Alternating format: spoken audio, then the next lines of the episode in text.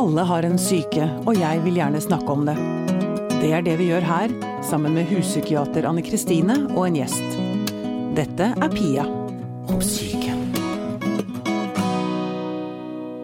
Det er, um, det er så deilig å se TV-serier eller filmer eller lese bøker sånn i forhold til å, uh, å si, skjønne sin egen syke.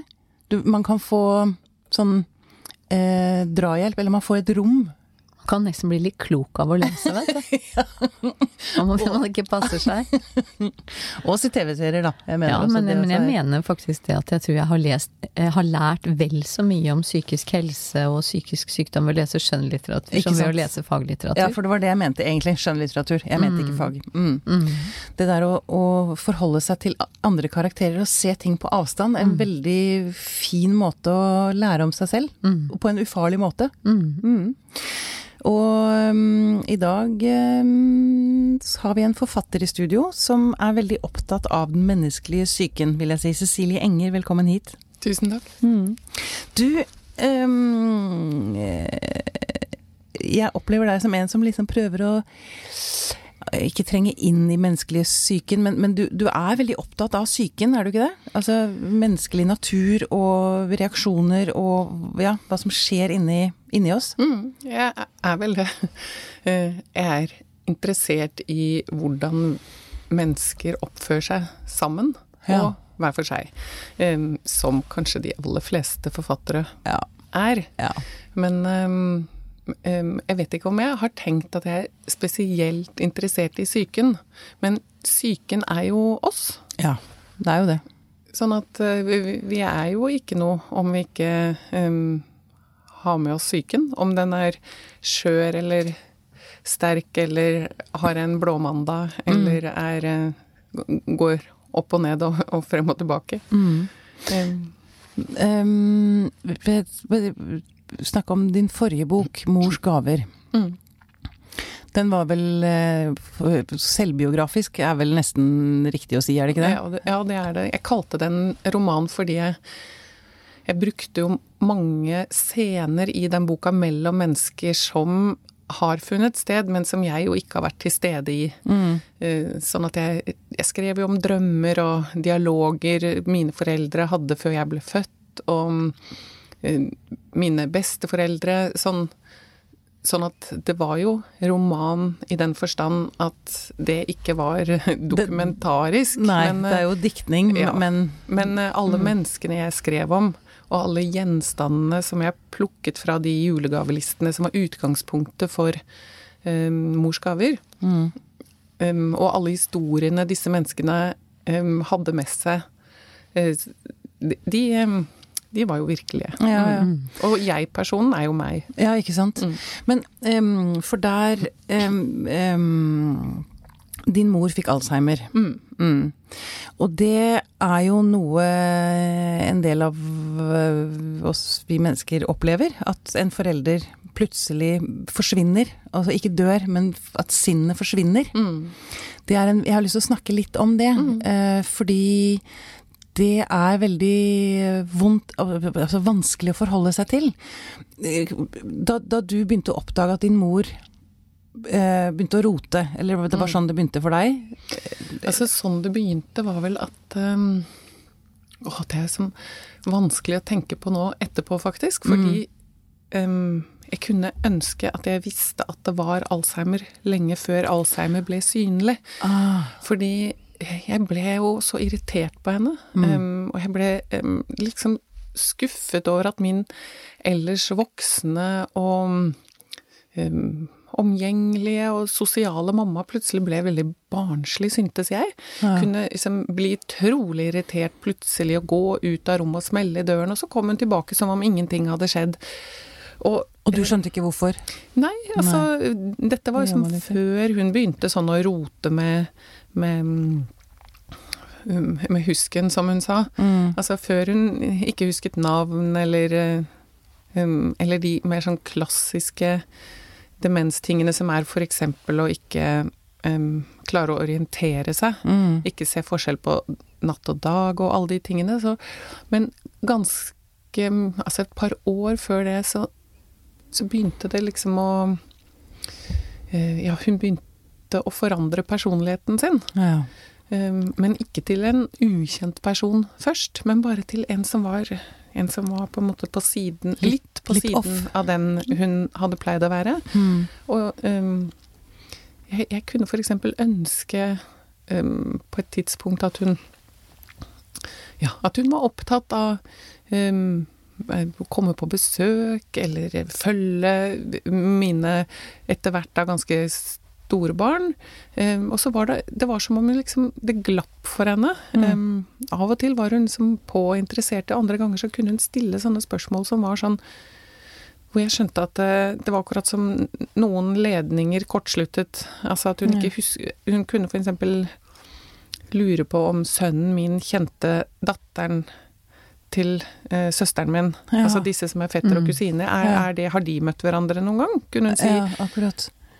Og, og først da var det vel at uh, vi begynte å skjønne at hun eh, Eller vi er tre søsken. At, uh, at det er noe Mm. som, som ikke stemmer. Ja. Men da hadde den derre den der litt sånn skje, skjevheten i personligheten hennes hadde vært en stund. Mm. Det var ganske Og det er vondt, fordi man tror vel kanskje da, før man liksom får en diagnose, så tror man nesten at, at personen ikke vil, ikke er interessert. At, at man at, Altså, man legger skylden på den, da, på en eller annen måte. Ja, Eller eller jeg sint. gjorde Mm. sikkert det, men jeg ble også så skuffet over meg selv. Jeg syns at jeg oppførte meg som en barnslig og snurt voksen datter.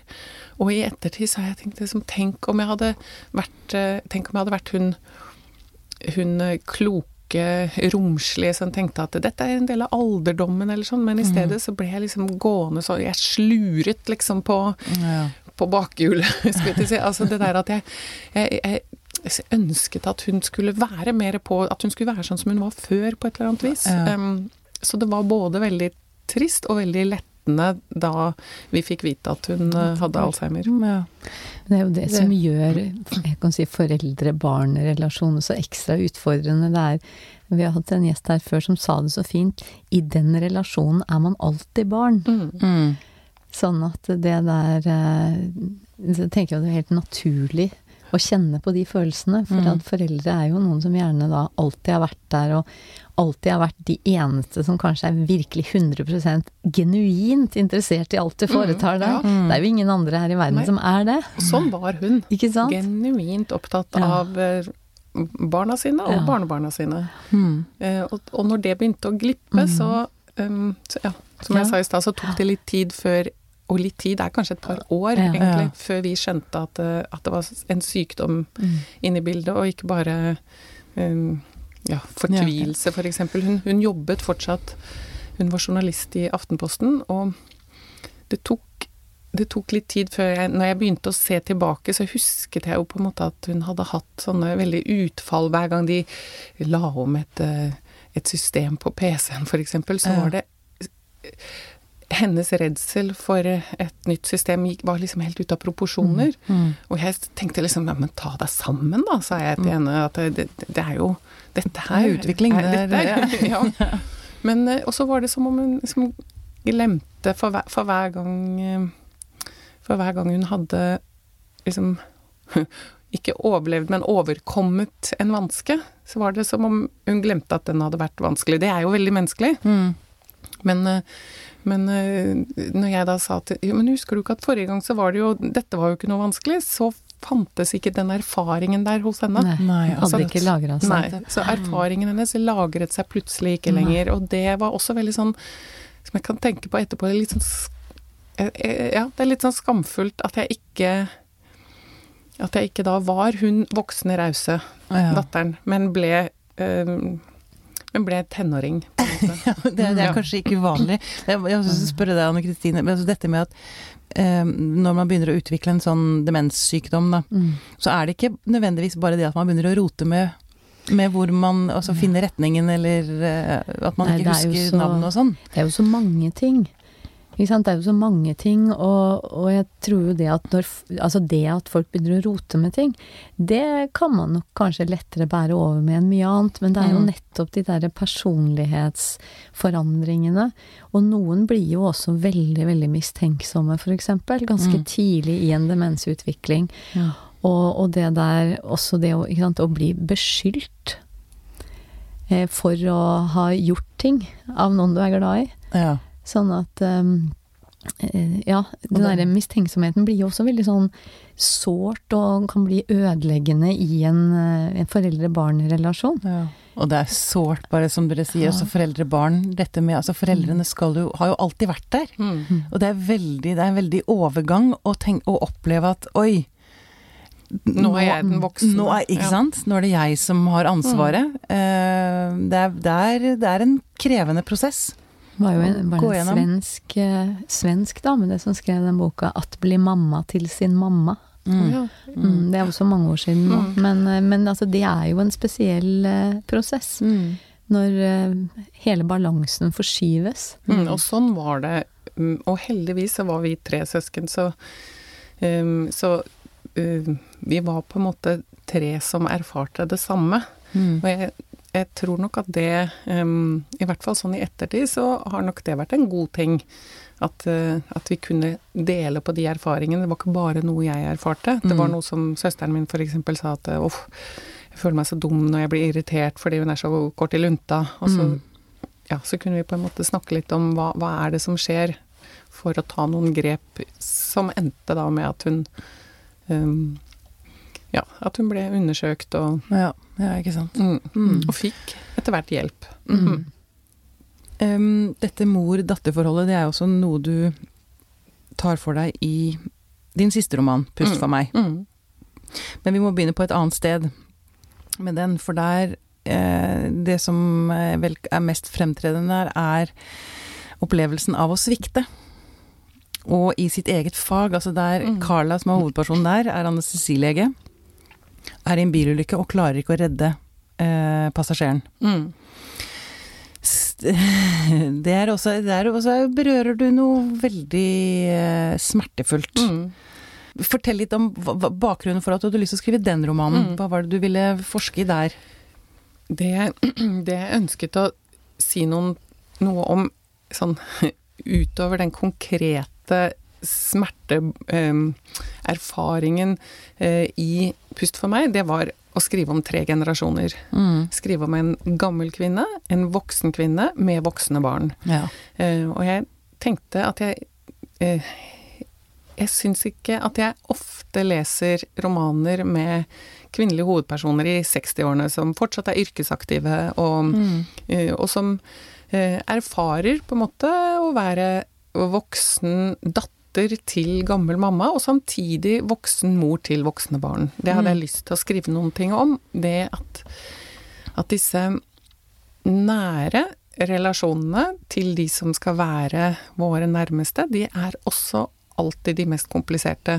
Det er ikke bare å, å si eh, slette på Facebook, på en måte. Det er eh, De er, eh, de, de er der selv når det er komplisert og man ikke ønsker at det skal være der. Her er det jo tre generasjoner som helt opplagt ønsker å være der for hverandre, men, men, men det å behøve noen når man skal være den ressurssterke, er f.eks. en komplisert ting. Mm. Og så startet jeg den boka, som du sa, jeg starter med den bilulykken fordi um, jeg putter Carla, snart 61, hun er erfaren anestesilege. Anestesileger er de som som sørger for at pasienter i narkose puster. Mm. Så hun er den som puster for andre. Ja.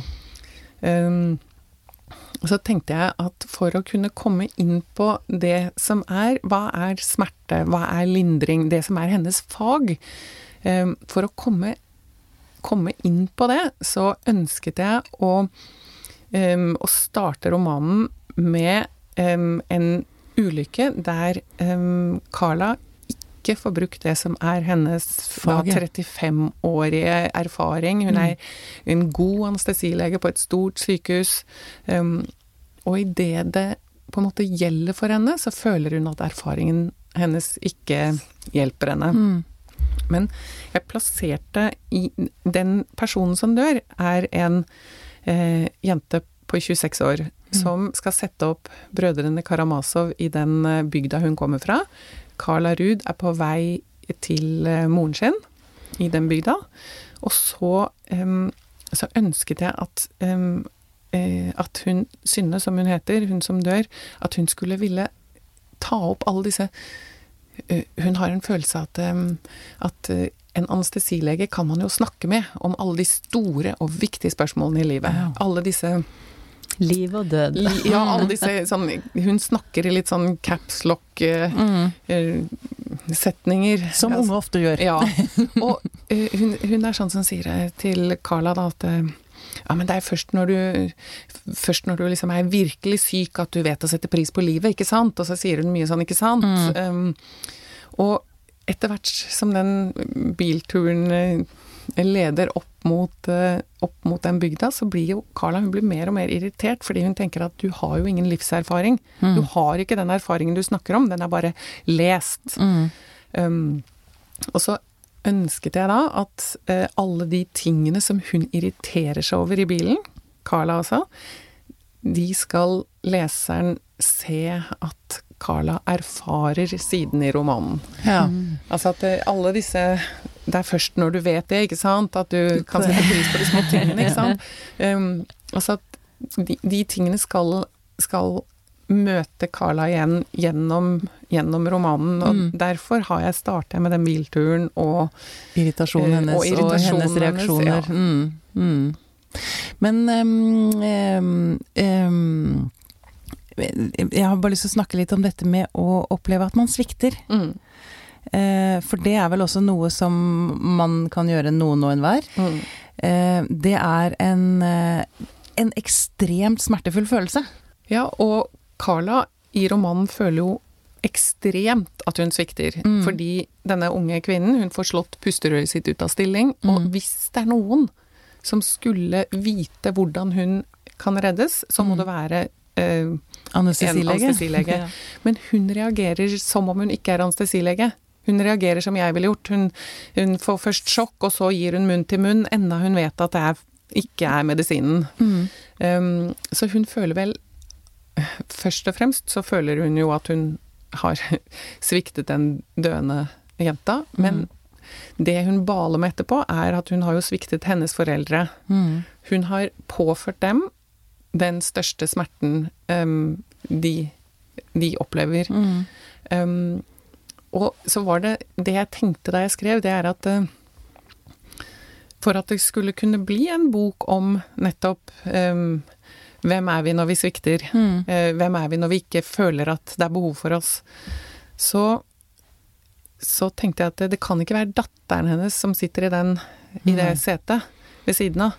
For da hadde det jo vært en bok om bunnløs sorg. Mm. Og så tenkte jeg også at det, det, det, kunne ikke være en bok der hun eh, Eller en biltur hvor hun har drukket alkohol eller kjørt for fort. Altså, skulle, hun skulle være egentlig helt fri for skyld. Så det er ikke hennes feil, denne bilulykken. Um, for da ville det jo vært en bok om skyld. Mm.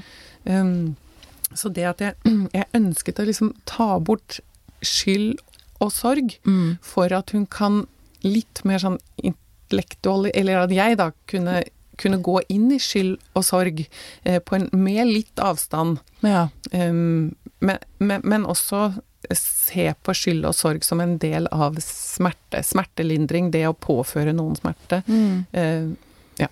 Ja. Mm. Uh, ja. Men altså um, Det der å føle at man svikter det gjør man mm. innimellom. Eh, og det er noe å, å, å, stå i det som menneske, det er ganske tøft. Ja, det er klart det er eh, på, på, mange måter så er det vel nesten sånn at det er lettere å bli svikta ja. enn å svikte. Ja, Fordi, for, for Carla i boken her er ja, det helt opplagt det. Det river liksom teppet helt bort, bort under henne. At, hun, at, hun, har sviktet når det gjaldt som mest, og så mm. kjenner hun jo på, eller det har gitt meg muligheten til å la henne kjenne på at hun også kanskje er hun den datteren hun skulle vært? Er hun den mammaen hun skulle vært? Ja, men For man tar opp alle mm, store spørsmål ja. til vurdering når mm. man svikter, når det virkelig gjelder. Ja. Og det er jo det finurlige med oss mennesker, det er at når vi lagrer våre erfaringer og opplevelser, så lagrer vi de erfaringene vi har i den samme følelsestilstanden på samme sted. Sånn at når vi jo, jo, jeg skal forklare det. Det er at når du kjenner på følelsen av å ha svikta, Mm. så husker du alle de andre gangene i livet ditt hvor du har svikta. Og da blir de under forstørrelsesglass. Ja, fordi at de ligger på en måte i en klump. Ja. Sånn at når du først eh, sklir ut på den følelsen, så, så får du de andre på kjøpet. De Mm. andre svikefølelsestingene. Og at de ligger i samme skuffen. De ligger så når du først skuffen. Åpner den Ja. skuffen, så velter det ut. Ja. Så det er, det er faktisk sånn veldig, veldig naturlig. Det er jo sånn når man opplever å bli skuffa òg. Så, Så så husker man alle de andre Mm. gangene man har blitt skuffa. Da er det sånn, Mm. sånn er det med meg.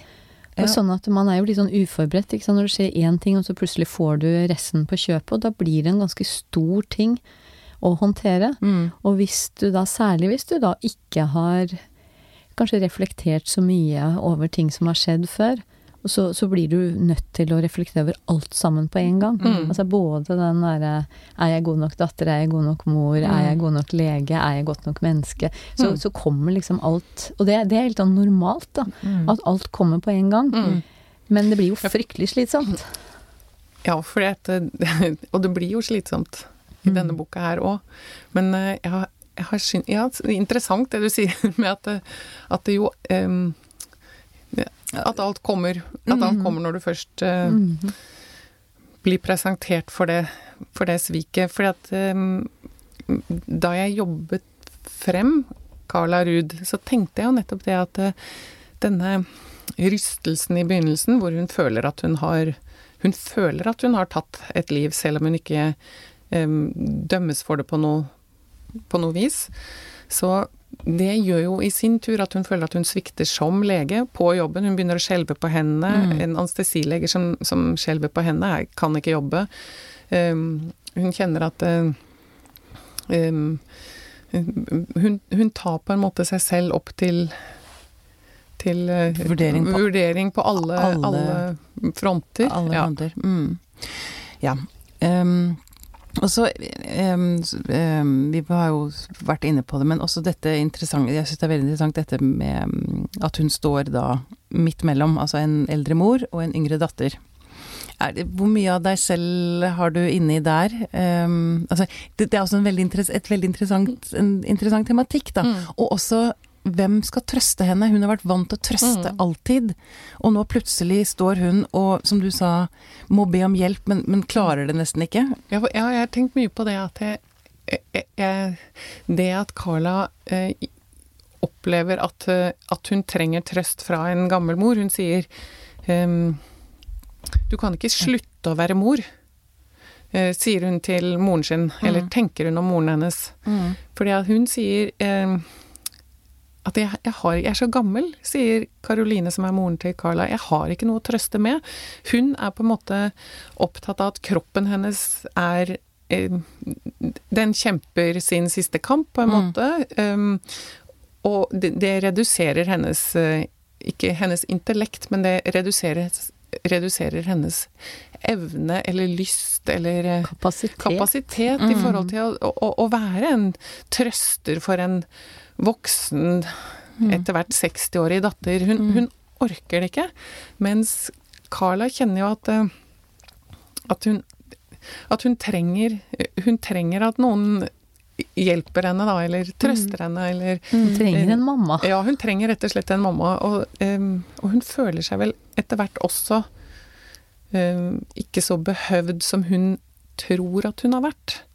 Em, og vi trenger jo For alle sin datter. Ja, for både datteren sin, men også for moren. For moren, for ja, ja. altså moren hennes. Jeg har tenkt at moren hennes, hun er såkalt mett av dage. Hun har levd et uh, rikt og komplisert og strevsomt og fint liv. Mm. Um, og, og, og har ikke har ikke all den kapasiteten eh, som skal til for å, eh, for å ta seg av eh, voksne barn og barnebarn. Litt den derre det, det får dere klare selv. ja. Mm. Sånn at eh, jeg tror nok at eh, jeg, jeg har interessert meg for det at, eh, at vi, vi kjenner Altså at vi har et behov for å kjenne oss behøvd.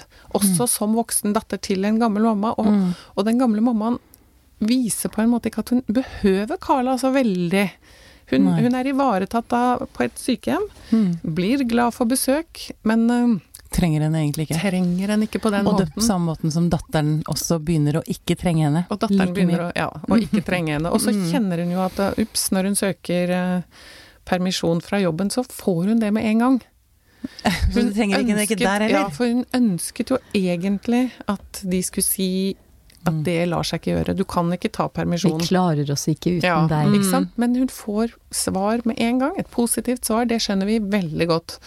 Eh, Sånn at hun får følelsen av at eh, hun er ikke så behøvd som hun før denne ulykken har hatt et sånn selvbilde av å være Veldig en behøvd. veldig behøvd Ja. person. Ja, men, men det er jo lett å tenke seg ut ifra det du beskriver av henne, sant? at hun også har bygd opp mye av sin identitet eh, omkring det å være den som gjør en forskjell, den som Mm. tar vare på andre, den som redder liv. Mm. Sånn at det som, Vi har jo alle skjer litt sånn, tror jeg. Hvis man Ja, går ja. inn og kjenner etter, så Mm. har veldig mange av oss så jeg, Absolutt. en følelse av at det, det er jo et poeng Det er viktig at jeg er her. Det er viktig at jeg gjør det. Ja. Det er avgjørende at jeg besøker faren min. Altså, og helst er det jo viktig og avgjørende også, men den dagen du føler at det ikke er det, så blir det jo ganske sånn um, Ja, hvem, er vi da? Ja, Ja for, og- jeg tenker jo altså, som en del av flokk, flokken. Mm. Så vi er jo flokkdyr. Eh, og det å være behøvd er jo en stor del. Altså Mm. jeg, selvfølgelig. Og hvis, hvis ingen behøver deg, hva er vitsen med at du er her? det, da, det er det jeg har hatt Mm. som jeg syns har vært interessant da, å Mm. se på i den boka. Um, hvem er vi når vi ikke kjenner at vi er så behøvd, selv om hun kanskje er det. Hun, jo, hun er jo behøvd av sin voksne datter også, men hun Mm. kjenner på en måte at det glipper litt, da. Mm. Og hvem, hvem, hvem skal jeg være da, er hennes eh, Ja. litt sånn ikke helt konkret tenkte og uttalte, men, men, men, men hun, hun fornemmer på en måte en sånn slags stor redsel, tror jeg, over å Mm. gå inn i de spørsmålene som er hvem, hvem er jeg hvis jeg ikke er um, vesentlig og avgjørende på sykehuset, eller for moren min, eller for mine voksne barn. Mm. Ja. Og dette her, tenker jeg, det er jo en sorg som jeg tror mange altså Både når, hvis når barna flytter ut, eh, når man blir pensjonist Altså det, man kommer jo Mm. inn i sånne faser som menneske eh, på et eller annet tidspunkt. Ja, og, og og, må møte den sorgen det er eh, av å plutselig ikke Mm. være så viktig, Mm. eller Ja.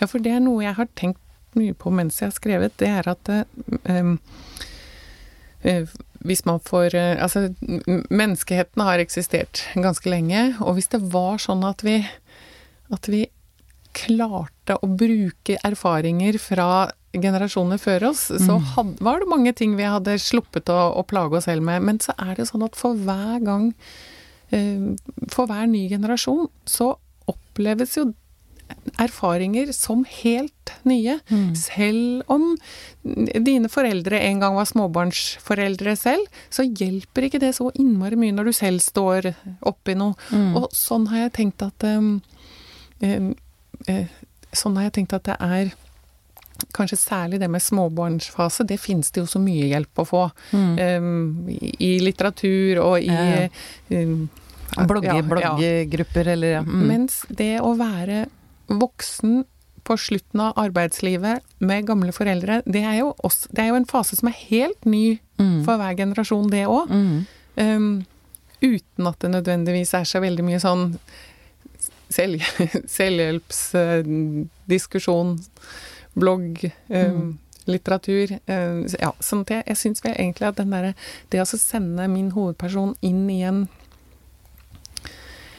inn i en problemstilling som er, for henne er helt ny, selv om veldig, veldig De aller fleste av oss kommer dit. Mm. Um, så det, det har interessert meg. Ja, Mm. Veldig bra. Men så er det jo også Jeg bare syns vi skal si det, fordi at nå lever jo Altså, vi lever jo lenger. Eh, nå er vel gjennomsnittlig levealder, eller forventa levealder hvis du er født i Norge, er jo godt over 80 år. Mm. Så det betyr jo at eh, det er stadig flere som vil leve som voksne med eldre foreldre. Mm. For et par generasjoner siden så var jo ikke det så vanlig. Nei, så det er jo faktisk litt nytt. Ja, så, men nå kan man jo faktisk leve da med, med å være, være godt voksen sjøl, og, så- og så leve med gamle foreldre liksom i 10 og 20 og 30 år Og nesten. ha voksne barn. Og ha voksne barn og Mm. barnebarn og Mm. Ja, så det vil jo by på en del nye eh, på en måte nye tankemessige utfordringer. Jeg tror det. Ja. Men du spurte i stad, Pia, om hvor mye det var av meg Ja, ja. eh, Ja. Har du med å pakke inn tre spørsmål i ett. Jeg- har det sikkert med å gli ut på viddene. Men, men um, um, Carla er ganske, ganske annerledes enn meg.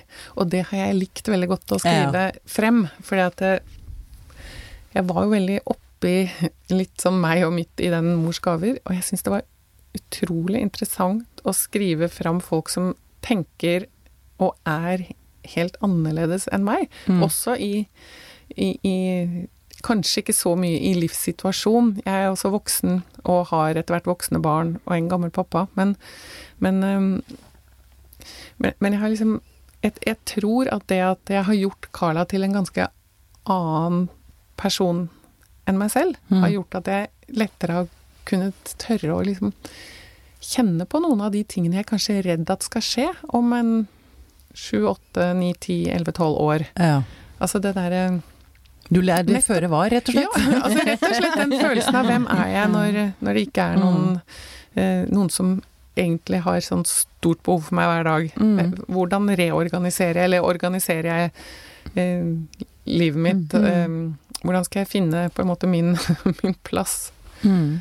Eh, Forbli frivilligheten da, som blir redningen. ja. Eller så er det jo blomster mm. Nei, men, men altså, det er jo helt riktig som jeg har vært inne på, at det å bety noe for andre, eller det å hjelpe andre, eller være noe for andre, det er jo også en viktig del av altså, god psykisk helse. Mm. mm.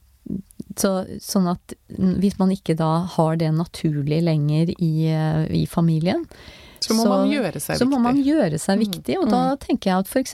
det med frivillig arbeid Man kan eh, som 60 år voksen kvinne, så kan man Mm. plutselig begynne å jobbe i Homestart og hjelpe småbarnsfamilier, eller man kan Mm. være besøksvenn på sykehjem. Altså det er, det er mye, men, men det er så grunnleggende viktig for oss å bety noe for andre. Sånn at jeg tror faktisk at det er en god oppfordring til folk som har lyst til å være viktige. Så Mm. er det bruk for dem. Ja, og jeg tror det er ganske mange som gjør akkurat det. Og jeg tenker også at det er ikke sånn at de aller fleste har lyst til å være på cruise hele tiden. Nei. Nei. Eh, Langt ifra. Sånn at, ja, men man kan jo av og til få litt inntrykk av at uh, friske, rike pensjonister Drar eh, til Spania er eller Jeg tror at uh, dagens pensjonister de er så til stede for sine barnebarn, og mm. de er på en måte litt sånn fulltidsbesteforeldre. Veldig mange har jeg inntrykk av. Mm. Um, ja, Ja. sånn at mange føler nok at det er ganske, ganske sterkt behov for dem. Det, Mm. det tror jeg. Mm. Det er viktig, uansett. Mm. Det kan vi være enige om. Å være behøvd. Vi trenger å bety noe for hverandre. Vi trenger å bety noe for hverandre. Det er nydelig. Um, Cecilie, er det noe du har lyst til å føye til på slutten? Um, ja, kanskje, kanskje jeg har lyst til å si at da jeg jobbet med Pust for meg, så måtte jeg sette meg godt inn i, inn i hva er smerte, og hva er smertelindring konkret. Ja. Eh, altså ikke den psykiske smerten nødvendigvis, men, men den smerten som, eh, som da en anestesilege forholder seg til, og som kan, man lindrer ved hjelp av opiater og Mm. Eh, hun i, i boka så blir hun Hun begynner å skrive en en, eh, en fagbok om eh, anestesi og smertelindring i Pust for meg. Mm. Og um, noe av det som, som jeg ble veldig um, både fascinert av, og som jeg har tenkt mye på mens jeg skrev romanen, det er det at du du kan ikke leve uten å kjenne og erfare smerte. Altså, du, vi, det at vi Det at vi opplever smerte, er det som gjør at vi lever. Hvis ikke så hadde du lagt hånden på kokeplaten og forbrent deg. Hvis ikke så hadde du fortsatt å spise sopp du fikk kramper av selv hvis du ikke fikk de krampene. Mm. Um, Du hadde fortsatt å Det fryse på beina til ja. beina falt av. Så jeg syns det er utrolig interessant det at det som påfører oss mest smerte, som gjør at vi kjenner at her er det noe feil i kroppen, som gjør Mm. at du går til en lege, f.eks. Altså, hadde vi ikke hatt erfaring og, eh, eh, og kjent smerte, så hadde vi heller ikke levd. Kjenner du ikke smerte, så, Mm. så har du jo ikke noe Mm. Ja, da, da, da kan du ikke leve. Og jeg har kjent at eh, Eller jeg tenkte i hvert fall mens jeg skrev, at det er også veldig interessant å bruke i som psykisk smerte eh, i, den, i den boka. At det er ikke bare den fysiske smerten, men erfarer du ikke hva som, hva som er bra for deg, eh, og hva som er bra for andre, så bare durer du på Ja. eh, og, og påfører andre og deg selv psykisk smerte. Sånn at Mm. nettopp det at vi, at vi kjenner hva som er vondt fysisk og psykisk, gjør også at vi evner forhåpentligvis da, å, å bruke noen av de erfaringene til, til det gode for Ja. omgivelsene og oss selv. Mm. Det er, en fin, veldig, det er en fin måte å se på smerte på. Det er jo noe vi tenker at vi ikke vil ha, men det er faktisk et, det ligger mye, det er en viktig, et viktig verktøy Mm. i det, egentlig. Mm. Cecilie Enger, tusen takk for at du kom til oss. Tusen takk for at jeg fikk komme. Men vi kan ikke helt slutte der. Jeg begynner nesten å grine. Ja, nei, men Dette det er- gjør jo ikke noe. Dette er rett og slett din siste innspilling, Anne Kristine. Veldig rart. Veldig. Det er to år To år. har vi holdt på. Det er mange samtaler. Det er mange samtaler. Mhm. Mye klokskap. La oss håpe det. ja. Mange gode råd. Mm. Um, så jeg har bare lyst til å si tusen takk, jeg. Det, er, det har vært en glede å samarbeide med deg, og jeg vet at lytterne våre vil savne deg dypt. Tusen takk, Pia. I like måte. Men du, Ja. du slutter jo nå fordi du skal begynne på en doktorgrad. ja, det er helt riktig. For, fortell litt om den. Ja, det er eh, Jeg kan gjerne komme tilbake som gjest vet Ja, du, det og snakke om på det. du, jeg skal rett og slett eh, vie mine neste år til eh, barn og unge og oppvekst. Mm. Og eh, for å være litt mer spesifikk, så skal jeg se på hvordan eh, tar man inn over seg vurderingen av hva som er det beste for barn i eh, saker i domstolen når foreldre ikke klarer å bli enige om hvor barna skal bo og hvem som skal ha omsorgen. Mm. De avgjørelsene som tas i norsk rett, de skal være til barnets beste. Sånn at uansett hvor mye foreldre krangler og hvor uenige de er, Mm. så skal altså domstolen bidra til at de løsningene man ender opp med, skal være til det beste for barna. Mm. Og det snakkes det om stadig vekk. Det er barnets beste. Mm. Eh, og det vil jo variere. Det kan være veldig forskjellig hva som er best for en toåring og for en 17-åring. Sånn at eh, jeg skal ikke se, gå i detalj på hva som er best, men hvordan går dommere, sakkyndige, advokater fram for å kunne si at den beslutningen vi har tatt nå, den er til det beste for barna i denne familien. Mm. Og så skal jeg snakke med barn, så skal jeg høre med barn om hva de syns at man burde ta hensyn til, Mm. og hvordan barn burde komme til orde, og hvordan barn tenker at det er best for barn å bli behandla. Ja. Mm. Det er sånn foreløpig, da. Prosjektsvis er ikke helt klar ennå. Mm. uansett veldig viktig og veldig spennende. Ja, jeg gleder meg veldig til å fordype meg i den tematikken, altså. Ja. Mm. Og som sagt, det skal bli veldig interessant å ha deg som gjest Ja. en gang i fremtiden. Og det kan jo hende at du har litt gjesteopptredener ja, jeg håper jo det. Ja, Vi, vi får ta litt helt- sånn ikke helt slippe taket. blir abstinensene blir for vanskelig. Ja. Anne Kristine, tusen takk for alt du har bidratt med, og lykke til med doktorgraden din. Tusen takk.